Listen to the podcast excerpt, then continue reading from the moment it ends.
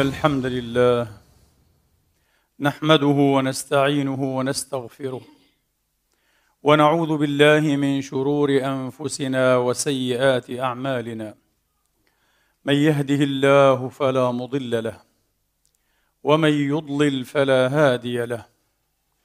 وأشهد أن لا إله إلا الله وحده لا شريك له.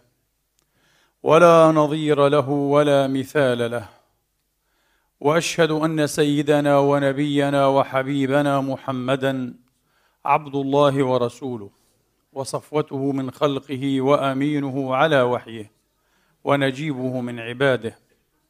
صلى الله تعالى عليه وعلى آله الطيبين الطاهرين وصحابته المباركين الميامين وأتباعهم بإحسان إلى يوم الدين وسلم تسليما كثيرا. عباد الله أوصيكم ونفسي الخاطئة بتقوى الله العظيم ولزوم طاعته.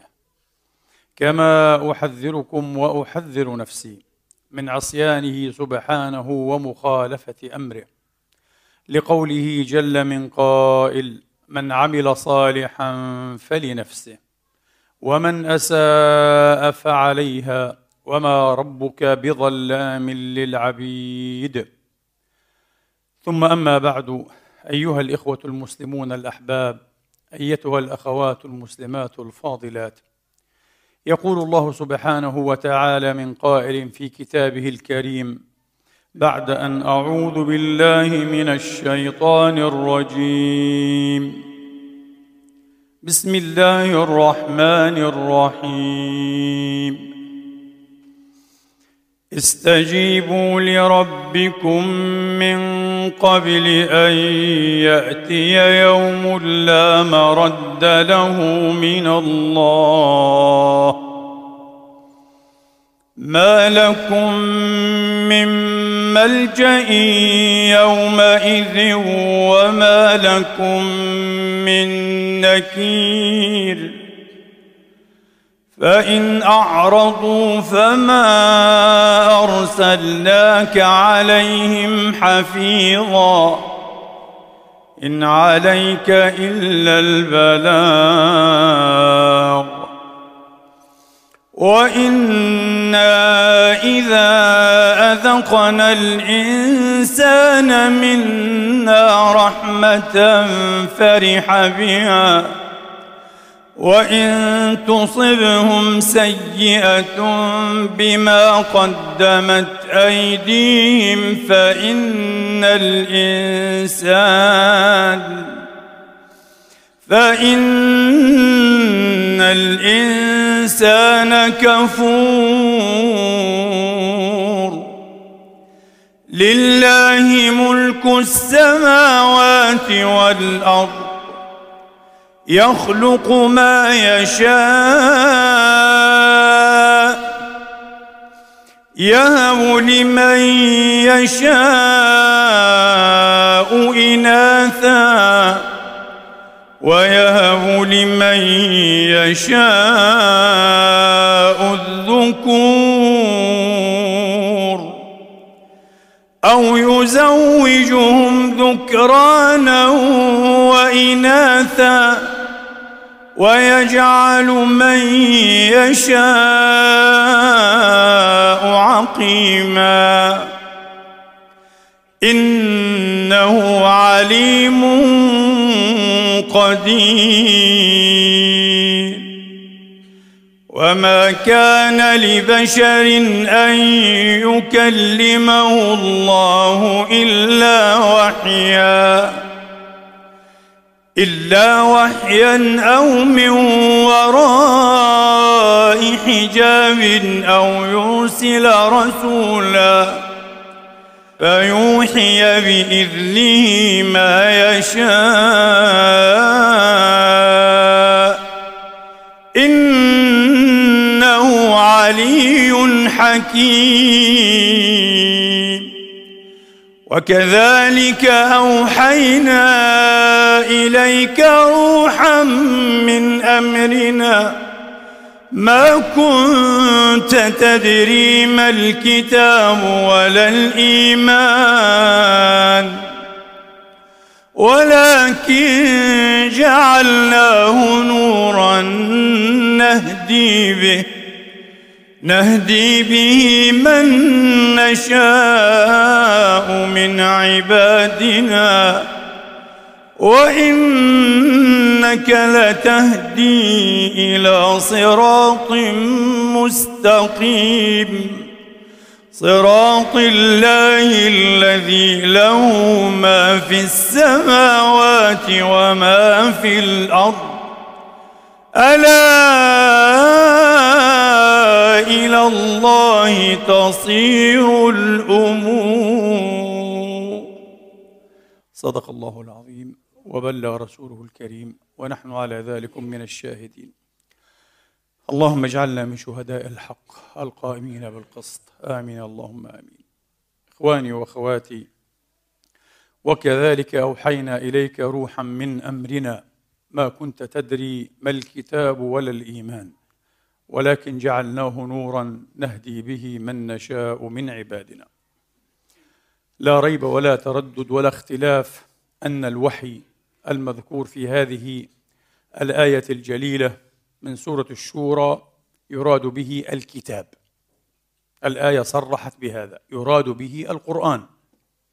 ومن هنا رجح بعض الأئمة والعلماء كالإمام أبي بكر ابن الأصم والحسن البصري رضي الله تعالى عنهما أن الوحي أيضا الوارد في قوله تبارك وتعالى عفوا الروح الوارد في قوله تبارك وتعالى ويسألونك عن الروح قل الروح من أمر ربي هو القرآن وهذا الذي أميل إليه وأطمئن إليه جدا فالسياق يعين عليه تماما والمناظرة بين الآيتين يشبه أن تكون تامة من كل وجه. وكذلك أوحينا إليك روحا من أمرنا. ما كنت تدري ما الكتاب والإيمان. لا علم لديك. طبعا ومن باب أولى لا علم لغيرك. وإن كنت سيد المرسلين وخاتمهم وحبيب رب العالمين. ولكن جعلناه نورا نهدي به من نشاء من عبادنا. هنا ويسألونك عن الروح. قل الروح من أمر ربي. وما أوتيتم من العلم إلا قليلا. ثم أكملوا الآيات الموالية. الكلام على القرآن. ولئن شئنا الآية مباشرة التي جاءت على الولي بعقب هذه الآية. ولئن شئنا لنذهبن بالذي أوحينا إليك ثم لا تجد لك به علينا وكيلا إلا رحمة من ربك. إن فضله كان عليك كبيرا قل لئن اجتمعت الإنس والجن. على أن يأتوا بمثل هذا القرآن لا يأتون بمثله. ولو كان بعضهم لبعض ظهيرا ولقد صرفنا للناس في هذا القرآن من كل مثل فأبى أكثر الناس إلا كفورا. واضح جدا. السياق في القرآن ما علاقة الروح التي بها حياة الأبدان الحيوانية؟ لا علاقة. لكن للأسف ذهب الأكثرون من المفسرين إلى أن المراد بالروح في آية الإسراء الروح الحيوانية التي بها الحياة الحيوانية. وهذا ضعيف جدا. السياق لا يعين عليه. والمناظرة بين آية الإسراء وآية الشورى تؤكد أن الروح يقصد به القرآن. الروح هو القرآن الكريم ونزل به الروح الأمين وهو حياة الخلائق. يحيي به الله من موات ويبعث به من سكون ويحرك به من جمود ويهدي به من ضلالة وينير به من عتمة ويفتح به أعينا عميا وآذانا صما وقلوبا غلفا وينهج به النهج السبيل اللاحب المهيع المستقيم. وإنك لتهدي إلى صراط مستقيم. الآيات واضحة. وإن قالوا غير ذلك وثمه أقوال خمسة أخرى لا نريد أن نطول بذكرها لكن نستعرضها سريعا. قيل الروح هو جبريل وقيل ملك عظيم عظيم الخلقه والهيئة. المذكور في مثل قوله تبارك وتعالى على تفسير تنزل الملائكة والروح فيها بإذن ربهم من كل أمر. وقيل الروح خلق جعلهم الله على صور بني آدم لكنهم خلق آخر هم الروح. وقيل الروح عيسى عليه الصلاة وأفضل السلام. فتحصل أن الأقوال إذن ستة. الأقوال ستة أرجحها والله أعلم أنه القرآن العظيم. وكذلك أوحينا إليك روحا من أمرنا. إذا القرآن العظيم لا ينتمي إلى عالم الخلق وإن وصف عالم الخلق واشتغل عليه واشتغل به لكنه ينتمي إلى عالم الأمر. ويوشك أن يكون المراد بعالم الأمر أيضا بالنظر في بعض هذه الموارد القليلة في كتاب الله تبارك وتعالى وجل وعز ما يدبر به عالم الخلق وتصرف به شؤوناته وتصرف به شؤوناته. هذا هو عالم الأمر. ألا له الخلق والأمر. له الخلق والأمر.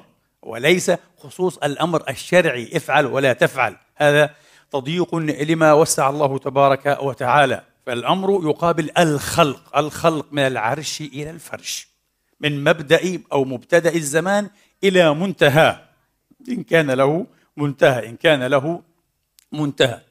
وكذلك أوحينا إليك روحا من أمرنا ما كنت تدري ما الكتاب ولا الإيمان. هذا الروح من أمر الله تبارك وتعالى لا يتعاطى ولا يوصل إليه ولا تصطاد سوانحه ولا تستخرج كظائمه لا بفكر ولا بعقل ولا بدرس ولا بتعليم ولا بتأمل ولا بأي طريقة من الطرق. لأنه ينتمي إلى عالم الأمر لا ينتمي إلى عالم الخلق. وكل ما ذكر إنما هو من عالم الخلق. من أسبابه ووسائله ووسائطه. ما كنت تدري. ولذلك ويسألونك عن الروح. هذا الروح الذي حيرهم وصدعهم. وألقاهم في عماية. وألقاهم في عماية.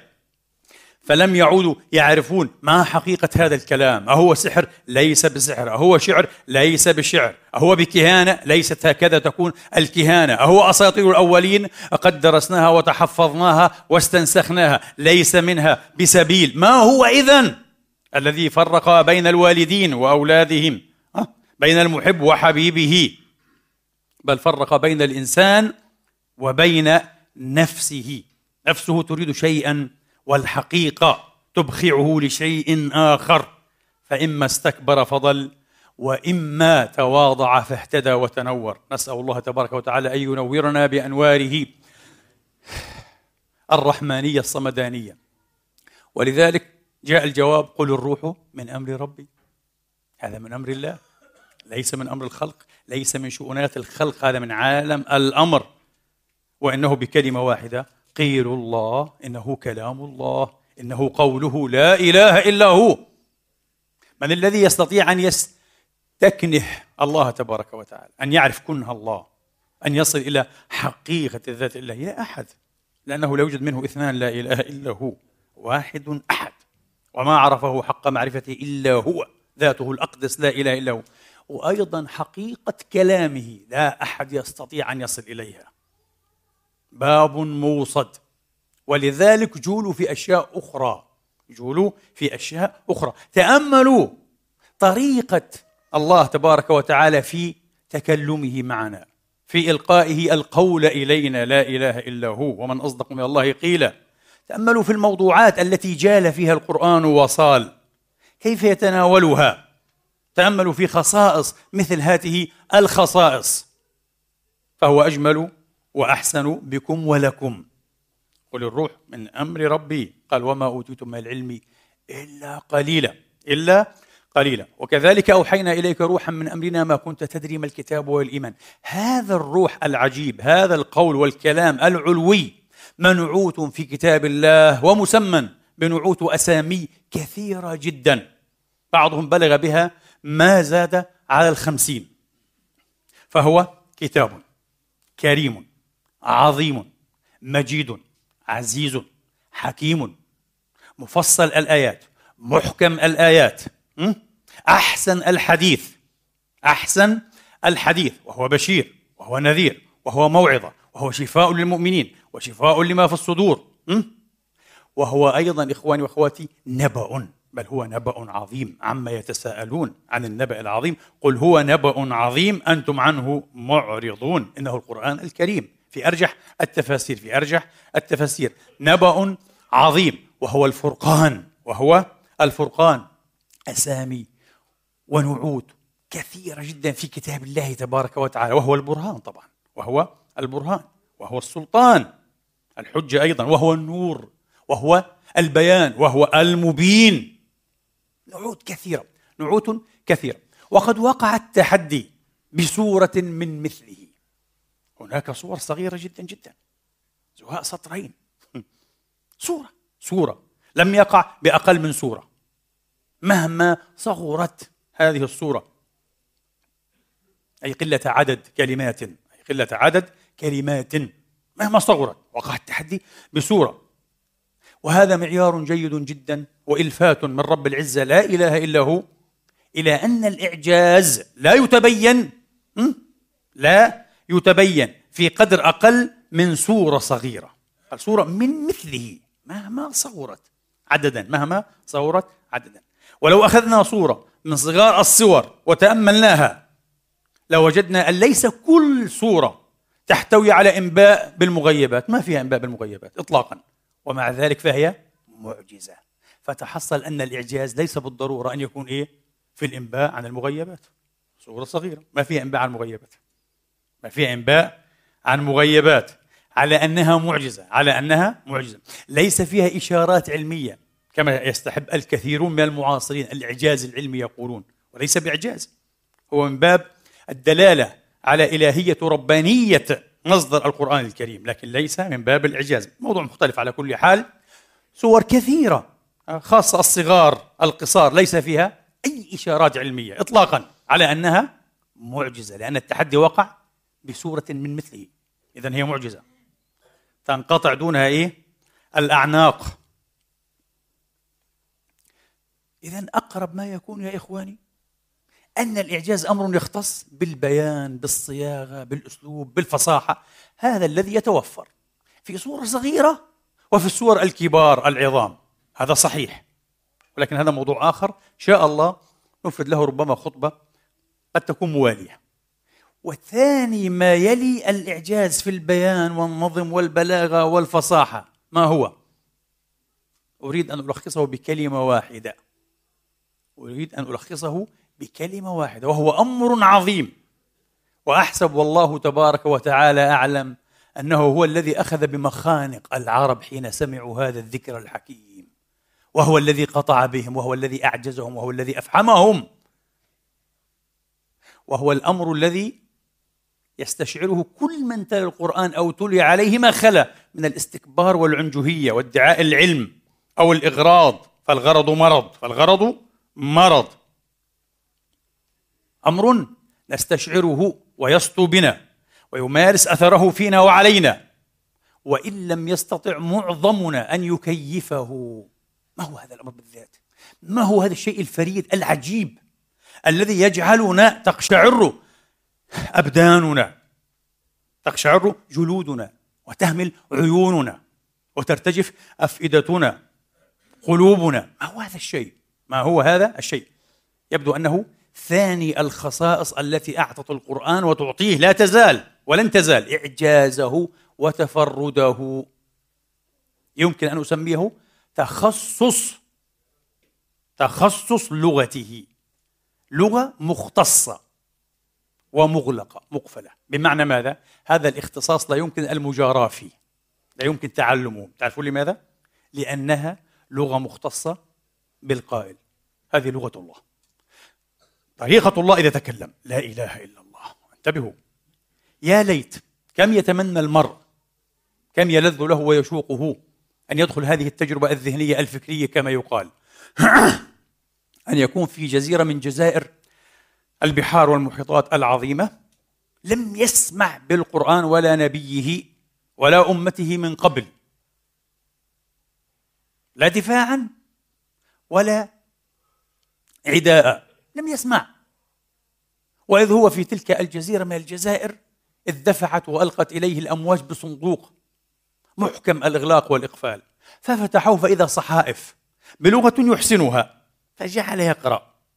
ولتكن العربية. جعل يقرأ. تخيل نفسك أخي الكريم أختي الفاضلة هذا الإنسان في تلك الجزيرة النائية البعيدة المفردة في عمق المحيط الأقيانوس. وقرأت. ما الذي سيلفتك أول ما يلفتك؟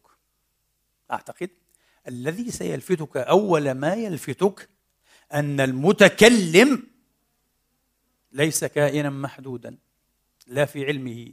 ولا في قدرته ولا في مشيئته إرادته ولا في خلاقيته وفعله وتصرفه وتدبيره.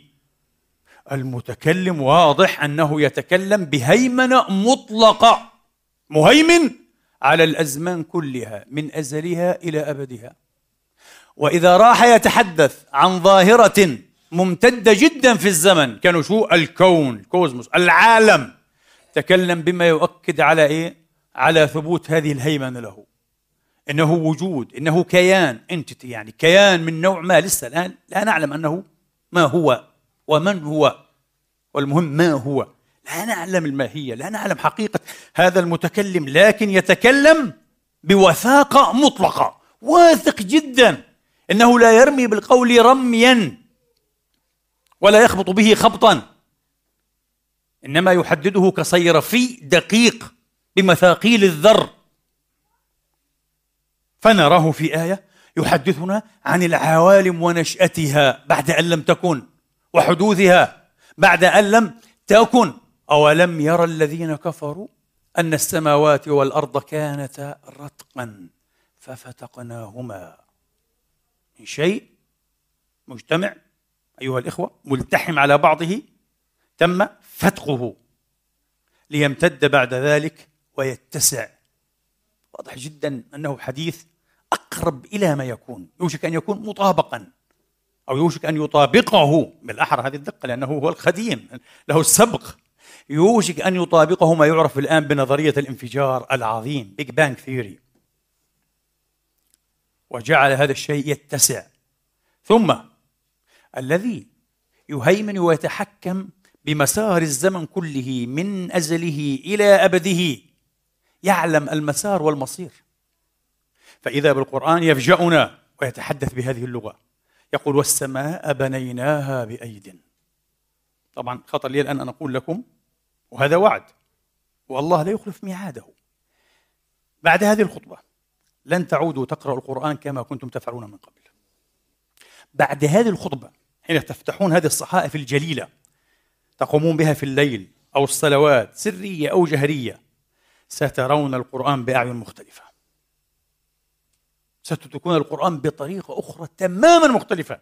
قتلها الابتذال. الابتذال. نحفظه صغارا نردده نجوده لا نفكر فيه لا نطرح حتى مثل هذه الأسئلة. لا نطرح أسئلة. قرأ قرأ. ولذلك الآن بدأ بعض المسلمين يشككون حتى في صدقية القرآن وحتى في بلاغة القرآن وفي عظمة القرآن وفرادة القرآن. للأسف الشديد. كنز عظيم. مصدر النور الوحيد الوحيد الذي يعطي النجاة التامة والكاملة. المضمونة كسرناه وشئنا أن نمشي في الظلام. يا الخسارة صفقة المغبون الغبن كله. فإذا به يقول تبارك وتعالى والسماء بنيناها بأيد وإنا لموسعون. Expansion توسيع. لا إله إلا الله. نظرية اتساع الكون أيضا. شيء غريب. ثم يقول لا إله إلا هو. يوم نطوي السماء كطي السجل للكتب. بيج كرانش كون سيعود ينسحق ليعود كما بدأ. في كتلة صغيرة جدا. يوم نطوي السماء كطي السجل للكتب كما بدأنا أول خلق نعيده. الله أكبر. الله أكبر. يقول لك محمد. محمد ماذا؟ محمد من؟ عيسى من؟ إبراهيم من؟ موسى من؟ لا أحد. لا أحد كان لديه مجرد حدس بمثل هذه الأفكار. إطلاقا. وخاصة في جزيرة العرب. قوم لم يتعاطوا من العلوم والمعارف إلا الطب الشعبي طب العجائز كما يسميه ابن خلدون أه؟ والأدب الشعر صناعة إيه؟ اللغة. فقط لا علم لهم بهذه الشؤونات لا من قريب ولا من بعيد. ثم انظر إلى المتحدث، المتحدث لا يعطي statement أو تقرير أو مجرد خبر ساذج، proposition قضية، لا لا، هو الذي يقول يوم نطوي. لا إله إلا الله بضمير الجلالة. هو الذي يتحدث. يوم نطوي السماء كطي السجل للكتب. كما بدأنا يقول هو الذي بدأ. لا إله إلا هو. كما بدأنا أول خلق نعيده. وعدا علينا. إنا كنا فاعلين. سألتكم بالله العزيز الجليل هل يستطيع محمد أو غير محمد أو أي منكم أن يتقمص هذه الحالة سيكولوجيا ليتكلم بمثل هذه الطريقة؟ طبعا هناك من بعض من ادعى ويدعي الإلهية. megalomaniac يقال عنه المصاب بجنون العظمة رجل مصاب بجنون العظمة. megalomaniac مجنون. لك أنا الرب. حلو. هيا يا رب تكلم أيها الرب. لنختبر دعواك. يعرف بما لا يعرف. يأتي بما يضحك الثكلة ويبكي الموتى. أليس كذلك؟ هو هذا. يأتي بتخاريف. وخطرفات كما يقول العامة. كلام لا معنى له. هراء. وقد كان من هو أذكى وأملك منه. من هو أذكى وأملك منه. فرعون. أحد فراعنة مصر. أحد ملوك مصر العظام. فرعون موسى. فرعون الخروج كما يقال. وقيل هما اثنان لكن لا بأس. فرعون موسى. ادعى الإلهية. أنا ربكم الأعلى. ما علمت لكم من إله غيري. أليس كذلك؟ ها؟ بماذا أقام الدليل على هذه الدعوة؟ هي هي هي أيها الإله الزاعم الإلهية. أثبت. ربما ربما. هيا نرى. هذه الدعوة. ونادى فرعون في قومه قال يا قوم أليس لي ملك ملك مصر؟ وهذه ملك مصر؟ مصر؟ يتحدث عن مصر لا يتحدث عن الأرض. فضلا عن العوالم. وشب الإزاء حين جاء موسى وقال له أنا مرسل من رب العالمين. من ربي أرسلي. قال من ربك؟ وما رب العالمين؟ ها؟ قال له رب السماوات والأرض وما بينهما. مش رب مصر؟ قال له. قال له رب السماوات والأرض وما بينهما إن كنتم موقنين. أنا مرسل ها؟ من هذا الذي هذا وصفه ونعته لا إله إلا هو. أنت أكبر دعواك. قصاراك أن زعمت ليهم ملك مصر أكيد. لأن الدول الأخرى المجاورة لم تكن في ملكه. إيش الإله العاجز هذا؟ المغلوب إيه؟ في ملكه. الفقير في ملكه. الفقير المحدود. حدثتكم مرة عن أحد علماء وأولياء الهند قدس الله سره الكريم. أحد ملوك الهند المسلمين أراد أن يقطعه إقطاعية أرضا هكذا. الله أعلم كم أكر كم فدانا. فقال له الصالح العارف بالله لا يا سيدي لا أحتاجها لا أحتاجها لا أريد. قال لماذا يا سيدنا؟ يا مولانا كانوا يحبون العلماء والصالحين جدا يقومون أيديهم وينحنون لهم ملوك الهند المغول بالذات. قال لأنك فقير. قال أنا فقير أنا ملك الهند. قال فقير قال. قال الهند جزء بسيط من كوكب الأرض من هذا الكوكب وهذا الكوكب صغير في ملك الله وأنا أرزقك أه؟ في هذا الجزء من ملكك الصغير. قال له لا لا لا. خشع الملك المغولي. يا سيدي قال ادعو لي. قال أنا يا سيدي للملك إذا أردت شيئا أسأل مالك الملك لا إله إلا هو الذي لا تنقصه المسائل. لو أعطى يا عبادي لو أن إنسكم وجنكم وأولكم وآخركم وقفوا في صعيد واحد فسألوني فأعطيت كل أحد مسألته. ما نقص ذلك من ملكي شيء. لا إله إلا الله إلا كما ينقص المخيط الإبرة إذا وضع في اليم. شوف إبرة حطها في البحر عاد إيش حتى وتأخذ منه؟ هذا الرب لا إله هو. فكرة هذا الرب الذي كشف نفسه في القرآن العظيم. القرآن كله كشف عن هذا الرب لا إله إلا هو. بحديث من الرب نفسه لا إله إلا هو.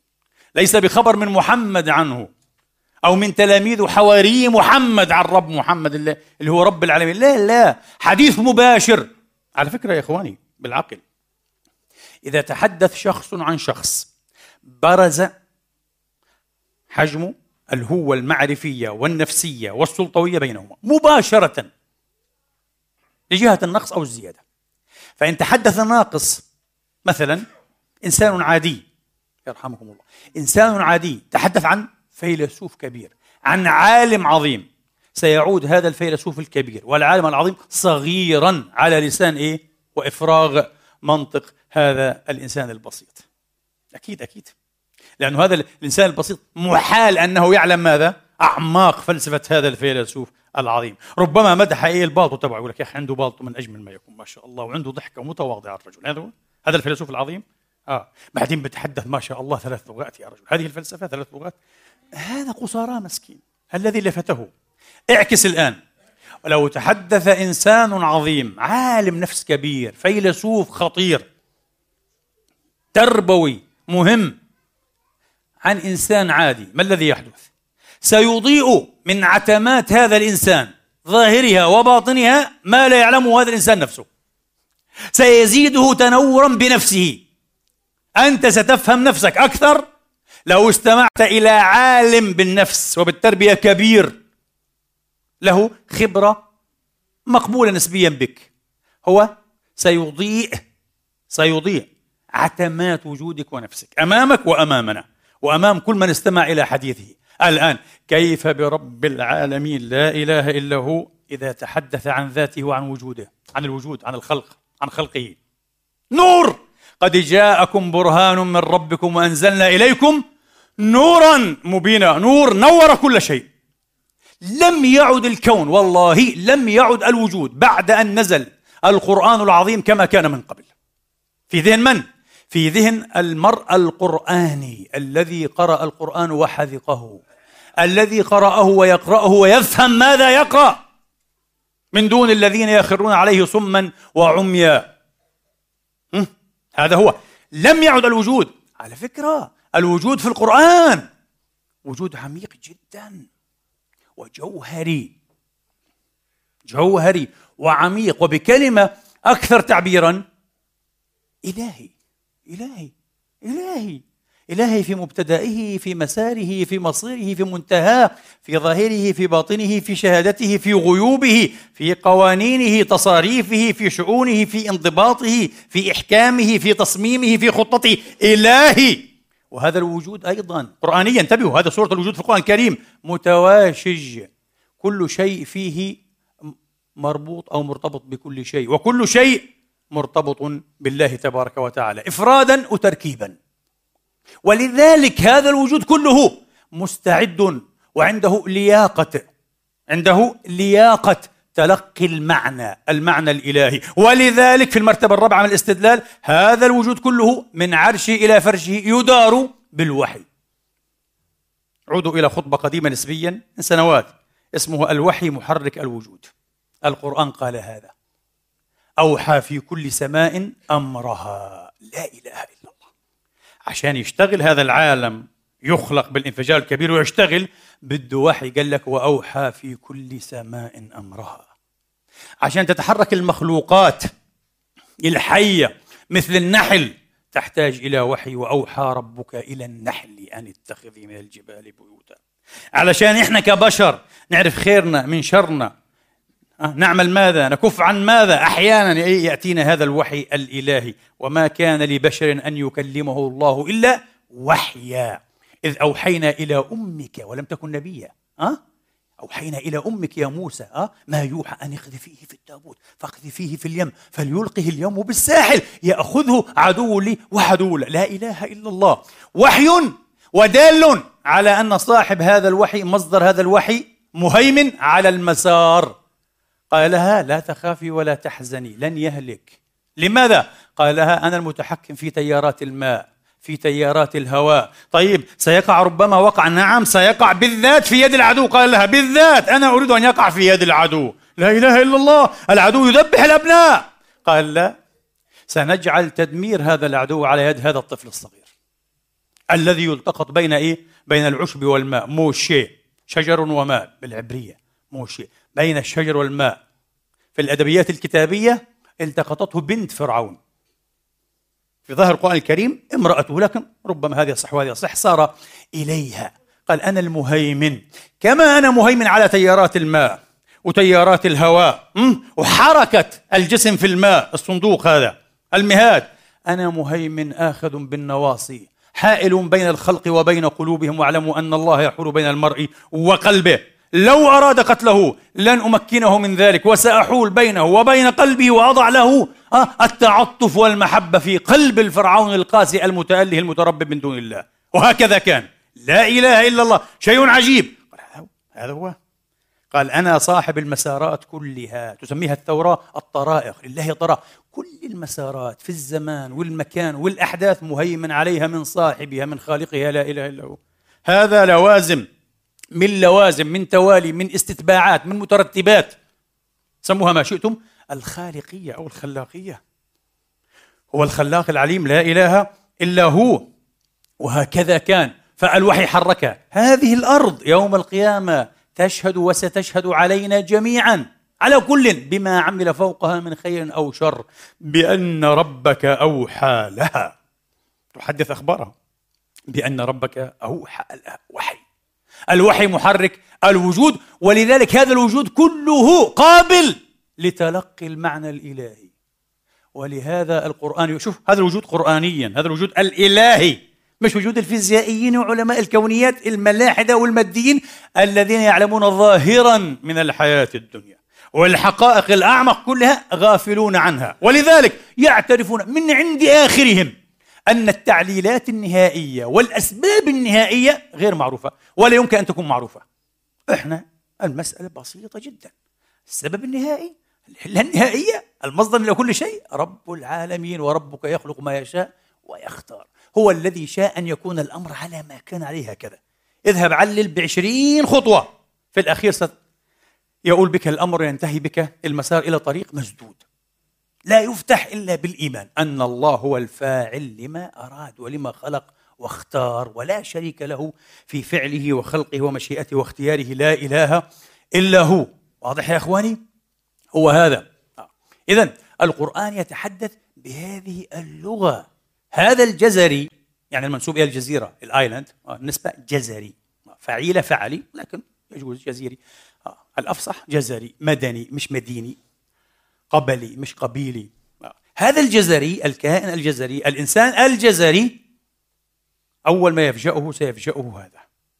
أن هذا المتحدث هذا الملقي به بهذا الكتاب كاتب هذه الصفحات صاحب هذه الصحائف يتحدث بثقة مطلقة. عن ماذا؟ عن تحكمه في مسار الزمان والمكان ازلا وابدا. ومسارا أيضا ومصيرا. يتحدث أن قوانين كل شيء من صنعه وبيده. تصاريف وتدابير كل الشؤونات بيده وإليه. لا إله إلا هو. لا يتحرك متحرك لا يسكن ساكن. وهو يتحدث بصيغة ماذا؟ بصيغة من يواجهنا بذاته بهذه الصفات بهذه النعوت. لا إله إلا هو. عبر هذا الكتاب العجيب. وأحيانا رحمة بنا وإشفاقا علينا يلتفت ليخبر عن نفسه على أنه هو المخبر. ذلك بأن الله هو الحق. هنا قال ذلك بأنه هو يعني الذي هو هو لا. يا من هو هو كما يقول المتصوف اليهود والمسيحيون والمسلمون يا من هو هو ولا يعلم ها حقيقته إلا هو لا إله إلا هو. إنني أنا الله. هنا مباشرة صك موسى بها إنني أنا الله لا إله إلا أنا فاعبدني وأقم الصلاة لذكري. إن الساعة آتية أكاد أخفيها. لتجزى شوف الساعة ساعة. يتحدث عن الساعة. تخيلوا يتحدث عن الساعة. إذا نعود مرة أخرى أيها إلى صورة الوجود. صورة الوجود الإلهي صورة مختلفة تماما عنها في الطبيعيات في الماديات.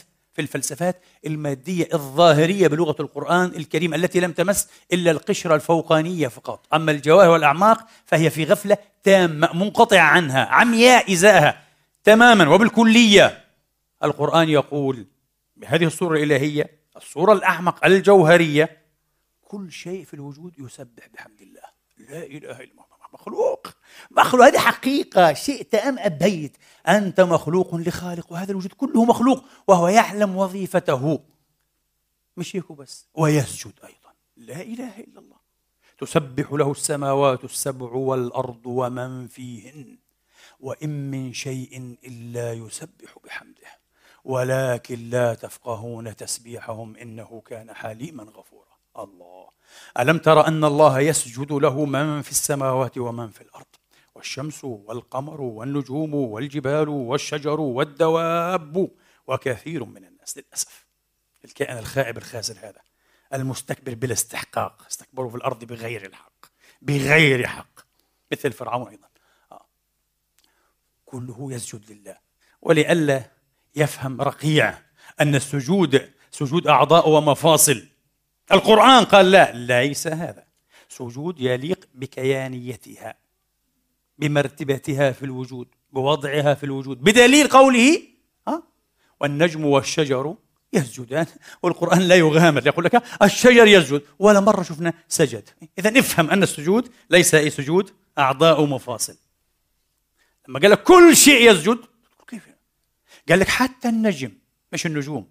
النجم هو النبات الذي لا ساق له. نبات على الأرض هذا ها المنبسط اسمه النجم والنجوم.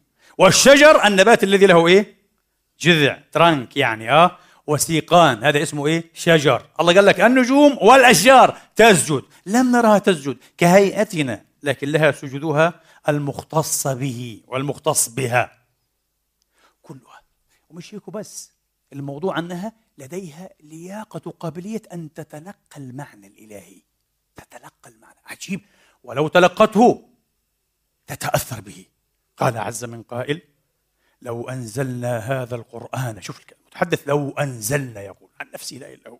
هل محمد يقول هكذا؟ لو أنزلنا لو أنزلنا هذا القرآن على جبل لرأيته خاشعا متصدعا من خشية الله. لا إله إلا الله. ولو أن قرآنا في الرعد ولو أن قرآنا سيرت به الجبال. يعني فأزيلت وزالت إيه؟ عن محلها. ولو أن قرآنا سيرت به الجبال أو قطعت به الأرض فتزايلت قطعا وشظايا أو قطعت به الأرض أو كلم به الموتى. بل لله الأمر جميعا. إيش الجواب؟ أي لكان هذا القرآن. لأن الوحي محرك الوجود وهذا جوهر الوحي. هذا خلاصة الوحي الإلهي. هذا الصورة الأكثر تكثيفا وتركيزا للوحي الإلهي. الله قال لك بهذا القرآن يمكن أن يحدث هذا كله. وقد حدث بمثله بالوحي الإلهي. فأمر الله موسى أن يضرب بعصاه الحجر فانبجست منه اثنتا عشرة عينا. أليس كذلك؟ ولما طلب إلى ربه رب أرني أنظر إليك. تجلى ربه للجبل سيرت به الجبال فتدكدك وتفتت وزال من مكانه. إذا زال من مكانه. وقطعت الحجارة بضربة إيه؟ عصا موسى بأمر الله وعن أمر الله. وأما عيسى روح الله وكلمته فأحيا أمواتا من مواتهم وكلمهم وكلموه ورأى الناس هذا أيضا أو كلم به. شفت القرآن؟ عجيب القرآن هذا. ولو أن قرآنا سيرت به الجبال. حدث. أو قطعت به الأرض. حدث. أو كلم به الموتى. حدث. أي لكان هذا القرآن بل لله الأمر جميعا. وإن من الحجارة لما يتفجر منه الأنهار وإن منها لما يشقق فيخرج منه الماء وإن منها لما يهبط من خشية الله. ترى هبط. تقول قوانين ميكانيكية فيزيائية. الله يقول لك من خشية الله. ويسبح الرعد بحمده. الله الرعد يسبح له تسبيحه. كسجوده النجم والشجر وسجود وتسبيح كل شيء في الوجود. ويسبح الرعد بحمده والملائكة من خيفه. يا جبال أوبي معه. كانت تردد مع داود التسبيحات والتحميدات والتهليلات والتكبيرات والاستغفارات الأذكار الإلهية. يا جبال أوبي معه. والطير أيضا مسخر له. والطير صافات كل قد علم صلاته علم صلاته وتسبيحه. لا إله إلا الله. كل شيء لديه أفلا يكون لدي أنا ابن آدم اللياقة والقدرة على أن أتلقى المعنى الإلهي؟ بلى. أنا المرشح رقم واحد. لكن حال دون ذلك اللهو واللعب والاستكبار وعدم الجدية والابتذال والعمى وعدم الحس أيها الإخوة إيه؟ بالرسائل الإلهية التي تترى. إذا القرآن الكريم كما قلت له لغة لغة معنوية مش لغة عربية وكذا لغة اختصاصية مغلقة حصرية مقفلة. لا يمكن لأحد أن يتكلم هذه اللغة ولم يحدث مرة ونعد إلى المجنون فرعون. ونادى فرعون في قومه قال يا قوم أليس لي ملك مصر وهذه الأنهار تجري من تحتي؟ أفلا تبصرون؟ ملك مصر فقط. ليس ملك آسيا. فضلا أن يكون ملك إيه؟ القارات كلها. فضلا أن يكون ملك المجموعة الشمسية أو حتى إيه؟ العالم الم... لا, لا لا لا ملك مصر. طبعا هذا الذي يليق بإله كذاب. متربب سخيف رقيع أحمق سيهلك غرقا عما قليل. عما قليل. أه؟ لا يصبحن هو وقومه من النادمين.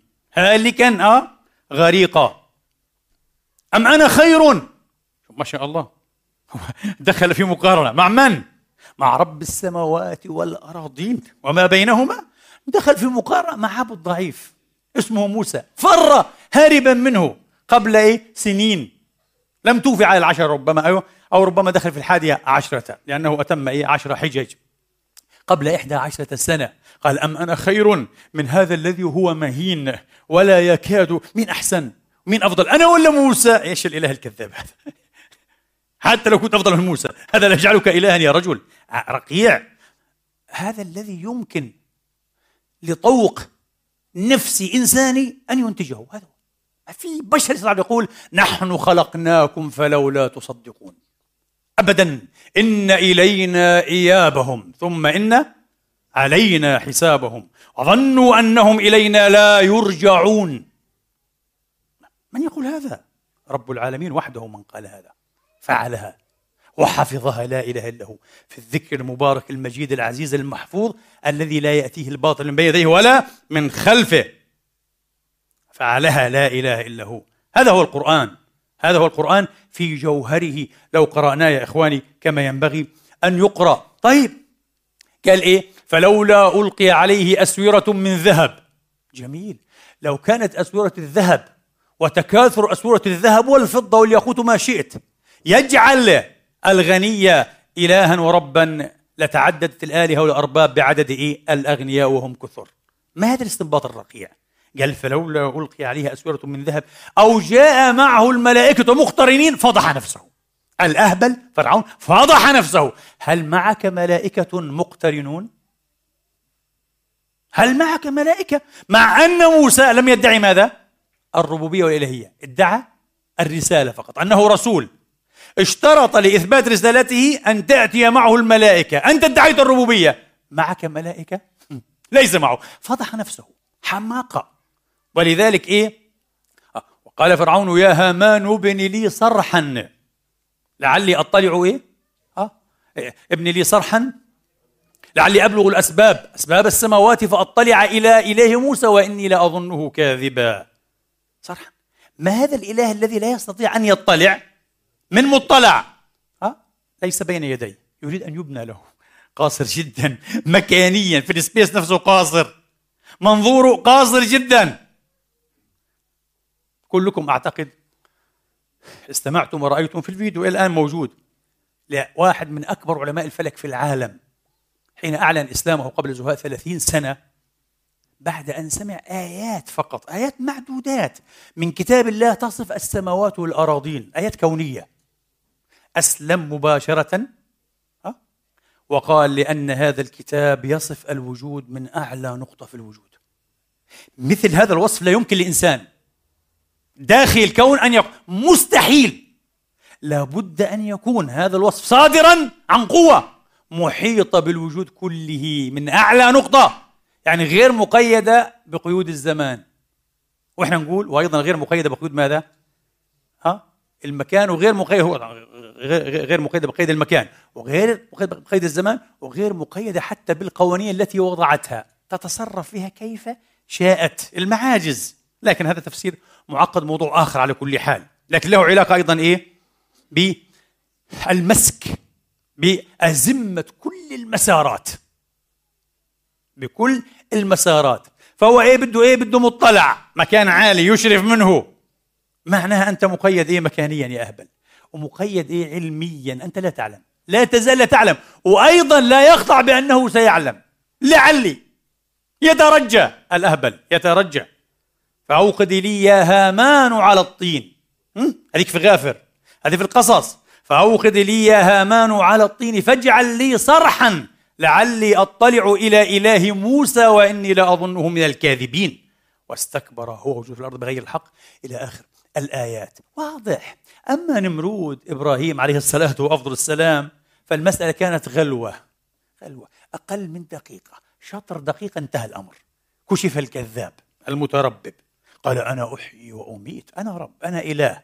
إبراهيم تركه قال له فإن الله يأتي بالشمس من المشرق. القرآن يتحدث يتحدث عن خلق الأكوان وعن محكومية هذه الكواكب السيارة الدوارة بقوانين ربها وخالقها. لا الشمس ينبغي لها أن تدرك القمر ولا الليل سابق النهار وكل في فلك يسبحون. آه، مخلوقاته يتحدث عنها مخلوقاته آه، ثم استوى إلى السماء وهي دخان فقال لها وللأرض ائتيا طوعا. أو كرها قالتا أتينا طائعين. كل شيء طوع أمره لا إله إلا هو لا معقب إيه؟ لحكمه. طيب ف فإن الله يأتي بالشمس من المشرق فأتي بها من المغرب. فبهت الذي كفر. انت قطع. افحم. مش انت رب تحكم في الظاهرات الكونية.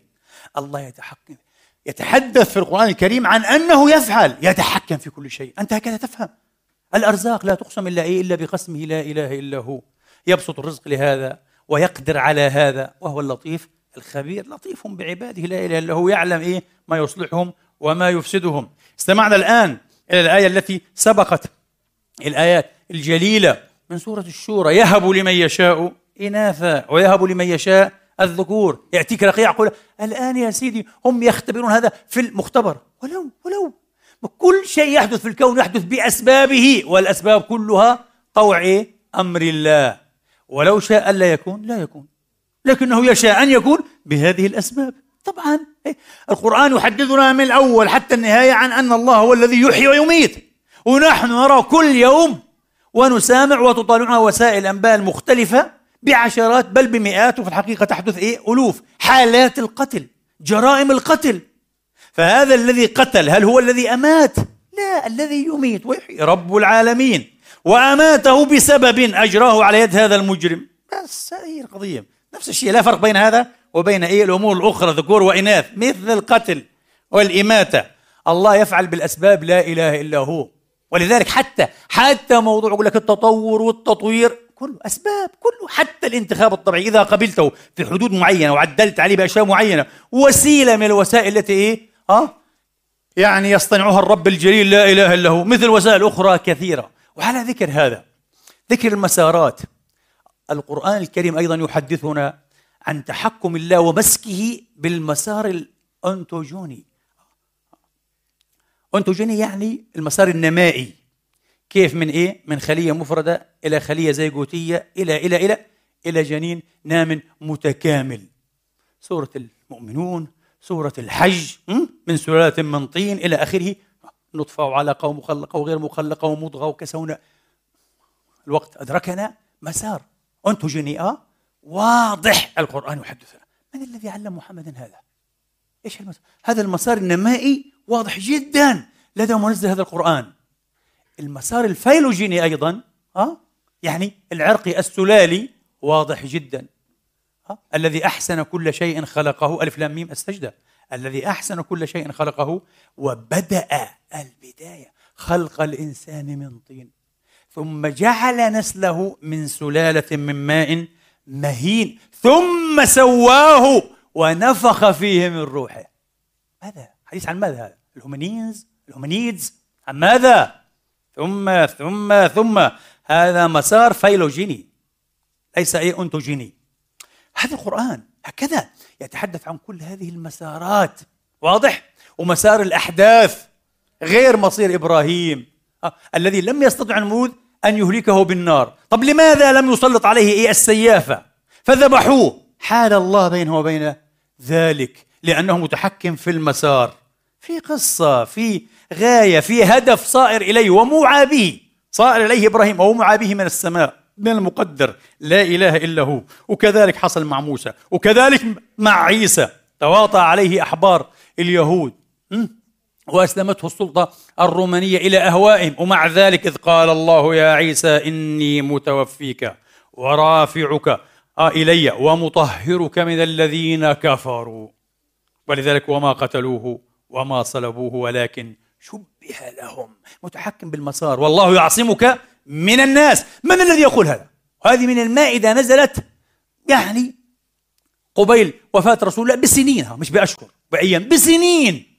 ولم يكن إيه؟ قد مكن له في الأرض. بالعكس كانت تحرسه المسارح. كان إيه؟ يعني الجنود بالأسلحة يحرسونه حتى لا يغتال. فلما نزلت الآية قالت أمنا عائشة رضوان الله عليها فرفع النبي طرف إيه؟ الخيمة كان في خيمة في خباء وقال لهم انصرفوا قد عصمني الله. ما بدي خلص لن أقتل. الله. ثقة مطلقة طبعا. لأن القائل هو الله. قال له والله يعصمك. أنت عليك البلاغ والعصمة. أنت رسول مش مجرد نبي. ورسول برسالة تامة. هؤلاء لا يقتلون. هؤلاء ينصرون. مستحيل. وتدمر أقوامهم ربما في نهاية إيه المطاف دون أن تتمكن منهم. واعتبروا هذا إيه؟ بنوح. ها؟ أولي العزم. بإبراهيم بموسى بعيسى بمحمد. إنا لا ننصر رسلنا والذين آمنوا في الحياة الدنيا ويوم يقوم الأشهاد. متحكم بالمسار لا إله إلا هو أيضا. والله يعصمك من الناس. خرج مهاجرا من مكته إلى المدينة المنورة على منورها مليون تحية وسلام. قال له إن الذي فرض عليك القرآن لرادك إلى معاد. قال له حتعود وتعود معززا منصورا في مكة. متحكم بالمسار لا إله إلا هو. متحكم به تماما كما تحكم في مسار الحوت السمكة في البحر التي أريد لها أن يكون مسارها دلالة وأمارة لموسى وغلامه لكي يعودوا أو لكي يعود مقتصين الأثر الأثر في السرب؟ العجب ويجد العبد الصالح. كل تحكمات كاملة. حين تقرأ القرآن يسطو بك هذا الشعور أن منزل هذا الكلام صاحب هذا القيل لا إله إلا هو فعلا هو الخالق المصرف المدبر الذي يسري علمه ومشيئته وقدرته وتدبيره وتصريفه في كل شيء عبر الزمان وعبر المكان. حتى الأحداث وأختم بهذا مثل معركة بدر. معركة هذه. معركة. إذ أنتم بالعدوة الدنيا أه؟ أه؟ وهم بالعدوة القصوى. والركب أسفل منكم. ولو تواعدتم لاختلفتم في الميعاد ولكن ليقضي الله أمر كان وأيضا وإذ يريكموهم إذ التقيتم في أعينكم قليلا ويقللكم في أعينهم ليقضي الله أمرا كان مفعولا. حتى الرؤى ترى الشيء على غير واقعيته والنبي يراهم في المنام قليلين. تخيل ليتثبت. وأنتم ترونهم قليلين وهم أيضا يرونكم إيه؟ قليلين. لكي إيه؟ تحدث الملحمة. ويكون النصر إيه؟ لأمة التوحيد الناشئة. لا إله إلا الله. شيء غريب. لماذا يكشف القرآن عن هذا؟ لو أنه لم يكشف عنه لما درى به أحد. أليس كذلك؟ القرآن لفت إليه. لكي يقول لنا أنا المتحكم في كل شيء. على كل حال مثل هذه اللغة أنا أتيت بالمصحف ولكن الوقت لم يسعفنا فنحن في خطبة شتوية. كنت أريد أن أفعل هكذا. هكذا هكذا. لا على التعيين. وسترى في كل صحيفة من صحائفه أه؟ مقامات جليلة كريمة منعة مترعة. تستطيع أن توالي الكلام على هذا النسق والطرز حولها حولها حولها. هذه لغة القرآن. أعتقد أن هذا الذي سطى بالعرب وأفحمهم أيها الإخوة أفحمهم تماما. ومارس عليهم تأثيرا هائلا جوانيا. شعروا بهذا ربما لم يكيفوه جيدا ربما لم يصفوه لكن هذا هو الذي يحدث وهذا الذي يحدث مع كل من يقرأ القرآن ببكرية وعذرية تامة من غير إغراض من غير مرض من غير إيه؟ إرادة. آه، من غير إرادة. أن يقع على ما يزيف به دعوة ربانية القرآن سيقف أمام هذه الحقيقة العارية وسيتملكه شعور عميق أعمق من العمق ذاته أن هذا الكلام ما كان له أن يفترى من دون الله وما كان لأي خلق ولذلك وقع إيه؟ التحدي به للإنس والجن جميعا أن يظاهر بعضهم بعضا فإنهم عاجزون. أقول قولي هذا وأستغفر الله لي ولكم فاستغفروه.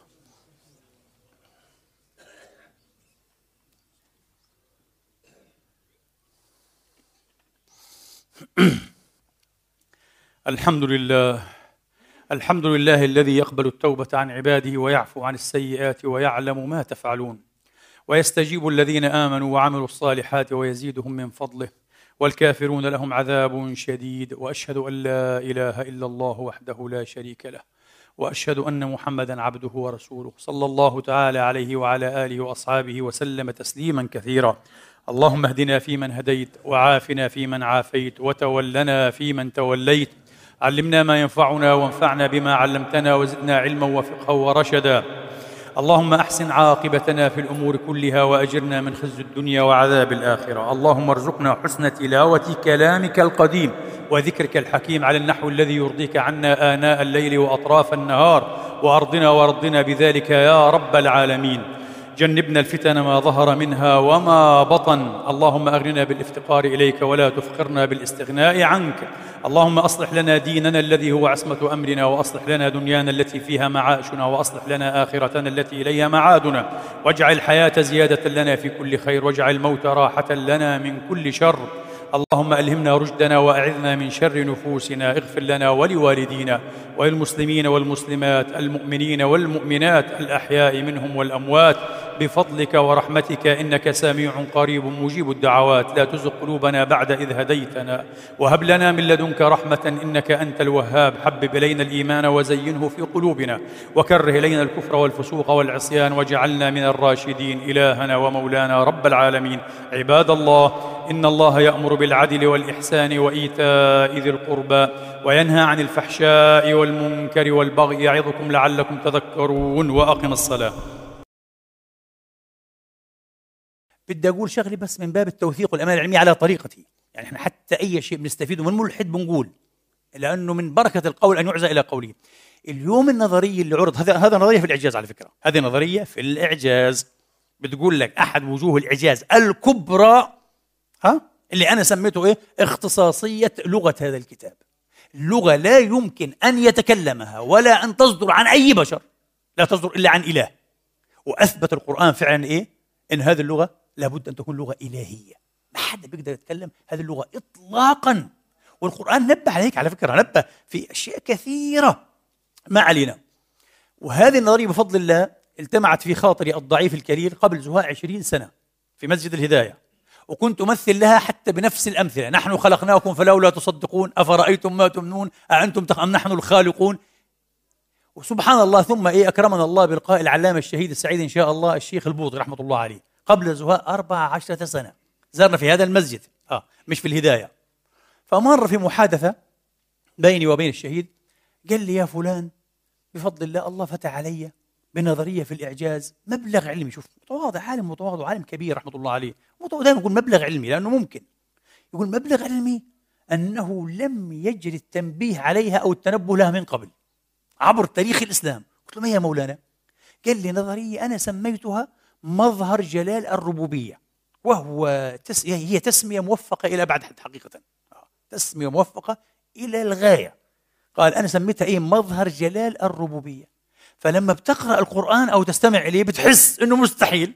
اللي بيتكلم هنا مش بشر. وبقدرش البشر يتقمص هذه الحالة. بقدرش مستحيل.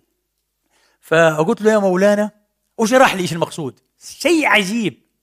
له مولانا بلى هناك من سبقك إلى هذه. قال لي من؟ قلت له عبد الفقير. قال لي مو.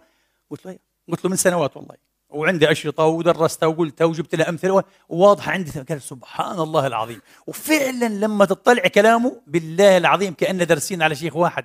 نفس نفس لا إله إلا الله. فبصير طبعا. وهذا بصير عادي عبر التاريخ. فأنا اللي بدي إياه وبأطمع فيه بصراحة يا إخواني بعد هيك لما نقرأ القرآن الكريم نتنبه على الناحية هذه وأنت فعلا سوف تبدأ تشعر بذوق مختلف لكتاب الله. وحتبدأ فعلا تخضع أمامه وتخشع وتشعر مشاعر عجيبة. لأنه غير هيك إحنا ما كناش مستوعبين هذا الشيء. آه وكلام ويقرأ وخل... لا لا لا. نفس الحالة حدثت إيه؟ مع العرب. والقرآن بنبهك عليها. حتى بنبه محمد. كانوا بيقولوا انتبه هذا الكلام اللي يوحى إليك وبدون تتلوه على الناس وتقرأ وكذا انتبه هذا بطبيعته ما بكونش إلا كلامي إلا كلام الرب لا إله مثل الآيات العجيبة اللي كثير بتسحرني هذا. كل ما أقرأها أبخع لها وأخضع جدا أمامها. وما كنت بجانب الغربي. شو الغربي؟ الجبل الغربي. اللي الله كلم إيه؟ وما كنت بجانب الغربي إذ قضينا إلى موسى الأمر. أنت ما كنتش. قبل قال له 1600 سنة. آه ما كنتش. موسى تقريبا 1700 سنة. آه قبل الميلاد. والحين يعني حوالي إيه؟ 4000 سنة الا شوية هو طلع منها 2000 هذه وما كنت بجانب الغربي إذ قضينا إلى موسى الأمر وما كنت من الشاهدين. معنى القرآن بيقول لك إيه؟ في شهادة مستمرة سارية في الوجود كله. شهادة مين؟ الحضور الذي لا يغيب لا إله إلا هو. غير مقيد لا بالزمان ولا بالمكان. قال لك فلنقصن عليهم بعلم وما كنا غائبين. اللي قلته أنت في جوف الليل لحالك أو مع صديق لك أو في ضميرك حنقصه عليك لأن ما كناش غائبين. الله أكبر. هذا كلام بشر هذا مساكين إحنا هذا كلام بشر ما بشر ولا بخطر على باله يعبر التعبيرات هذه يقول المعاني هذه ويشير إليها ويحيل عليها واثق منها. ها وما كنت من الشاهدين ولكنا أنشأنا قرونا يعني أجيال أجيالا generations فتطاول عليهم العمر. وما كنت ثاويا في أهل مدين يا الله شو الكلام هذا؟ شوف شوف شوف حتى التعبير نفسه. والله العظيم على البدن كله. وما كنت ثاويا في أهل مدين تتلو عليهم آياتنا. ولكن كنا مرسلين. وما كنت بجانب الطور. إذ نادينا لا إله إلا الله. إني أنا الله قال له آه يا موسى النداء الإلهي من الشجرة المشتعلة بحسب الأدبيات الكتابية والبيبليكال وما كنت بجانب الطور إذ نادينا ولكن رحمة من ربك. لتنذر قوما ما أتاهم من نذير من قبلك لعلهم يتذكرون. الله شو هذا؟ نفس الشيء لما فرغ الله من قصة إيه؟ مريم. قال له إيه؟ قال له ذلك من أنباء الغيب نوحيه إليك. وما كنت لديهم إذ يلقون أقلامهم أيهم يكفل مريم. شفت ما كنتش؟ قال له أنا اللي كنت وأنا الحاضر الذي لا يغيب والشاهد الذي إيه؟ آه لا يغيب. نفس الشيء بعد نبأ نوح في سورة هود هذه العنوان قال تلك من أنباء الغيب نوحيها إليك. ما كنت تعلمها أنت ولا قومك من قبل هذا فاصبر إن العاقبة للمتقين. ذلك من أنباء الغيب. نبأ يوسف عليه السلام وإخوته وأبيه عليهم السلام أجمعين. ذلك من أنباء الغيب نوحيه إليك وما كنت لديهم إذ أجمعوا أمرهم وهم يمكرون. الله. تأكيد. الله بيلفت محمد. انتبه يقول انتبه. انتبه. هذا مش كلام بشر مش كلام مؤرخ. هذا كلام حاضر شاهد لا يغيب. خارج عن حدود كل القيود. شفت؟ لا إله إلا الله. عشان يقول هي ماسك بالمسارات كلها متحكم فيها من عند آخرها أولها على آخرها لا اله الا هو جملة وتفصيلا. كذلك نقص عليك إيه؟ من أنباء ما قد سبق وقد آتيناك من لدنا ذكرى. وهكذا. فنسأل الله أن الله يفتح علينا جميعا. ويزيدنا هدى وثباتا وتنويرا. الله أكبر.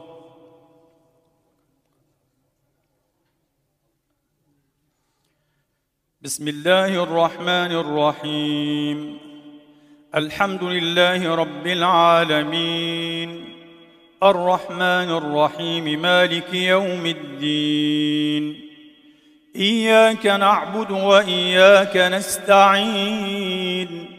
اهدنا الصراط المستقيم. صراط الذين أنعمت عليهم غير المغضوب عليهم ولا الضالين. الضالين.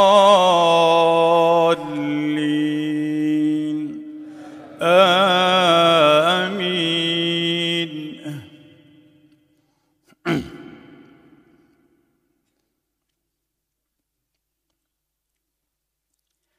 بسم الله الرحمن الرحيم. والسماء ذات البروج واليوم الموعود وشاهد ومشهود. قتل أصحاب الأخدود النار ذات الوقود إذ هم عليها قعود. وهم على ما يفعلون بالمؤمنين شهود. وما نقموا منهم الا ان يؤمنوا بالله العزيز الحميد الذي له ملك السماوات والارض والله على كل شيء شهيد ان الذين فتنوا المؤمنين والمؤمنات ثم لم يتوبوا فلهم فلهم عذاب جهنم ولهم عذاب الحريق. إن الذين آمنوا وعملوا الصالحات لهم جنات تجري لهم جنات تجري من تحتها الأنهار. ذلك الفوز الكبير. إن بطش ربك لشديد. إنه هو يبدئ ويعيد وهو الغفور الودود. ذو العرش المجيد فعال لما يريد. هل أتاك حديث الجنود فرعون وثمود؟ بل الذين كفروا في تكذيب والله من ورائهم محيط بل هو قرآن مجيد في لوح محفوظ. الله أكبر. الله أكبر. بسم الله الرحمن الرحيم. الحمد لله رب العالمين. الرحمن الرحيم مالك يوم الدين إياك نعبد وإياك نستعين. اهدنا الصراط المستقيم. صراط الذين أنعمت عليهم غير المغضوب عليهم ولا الضالين. آمين.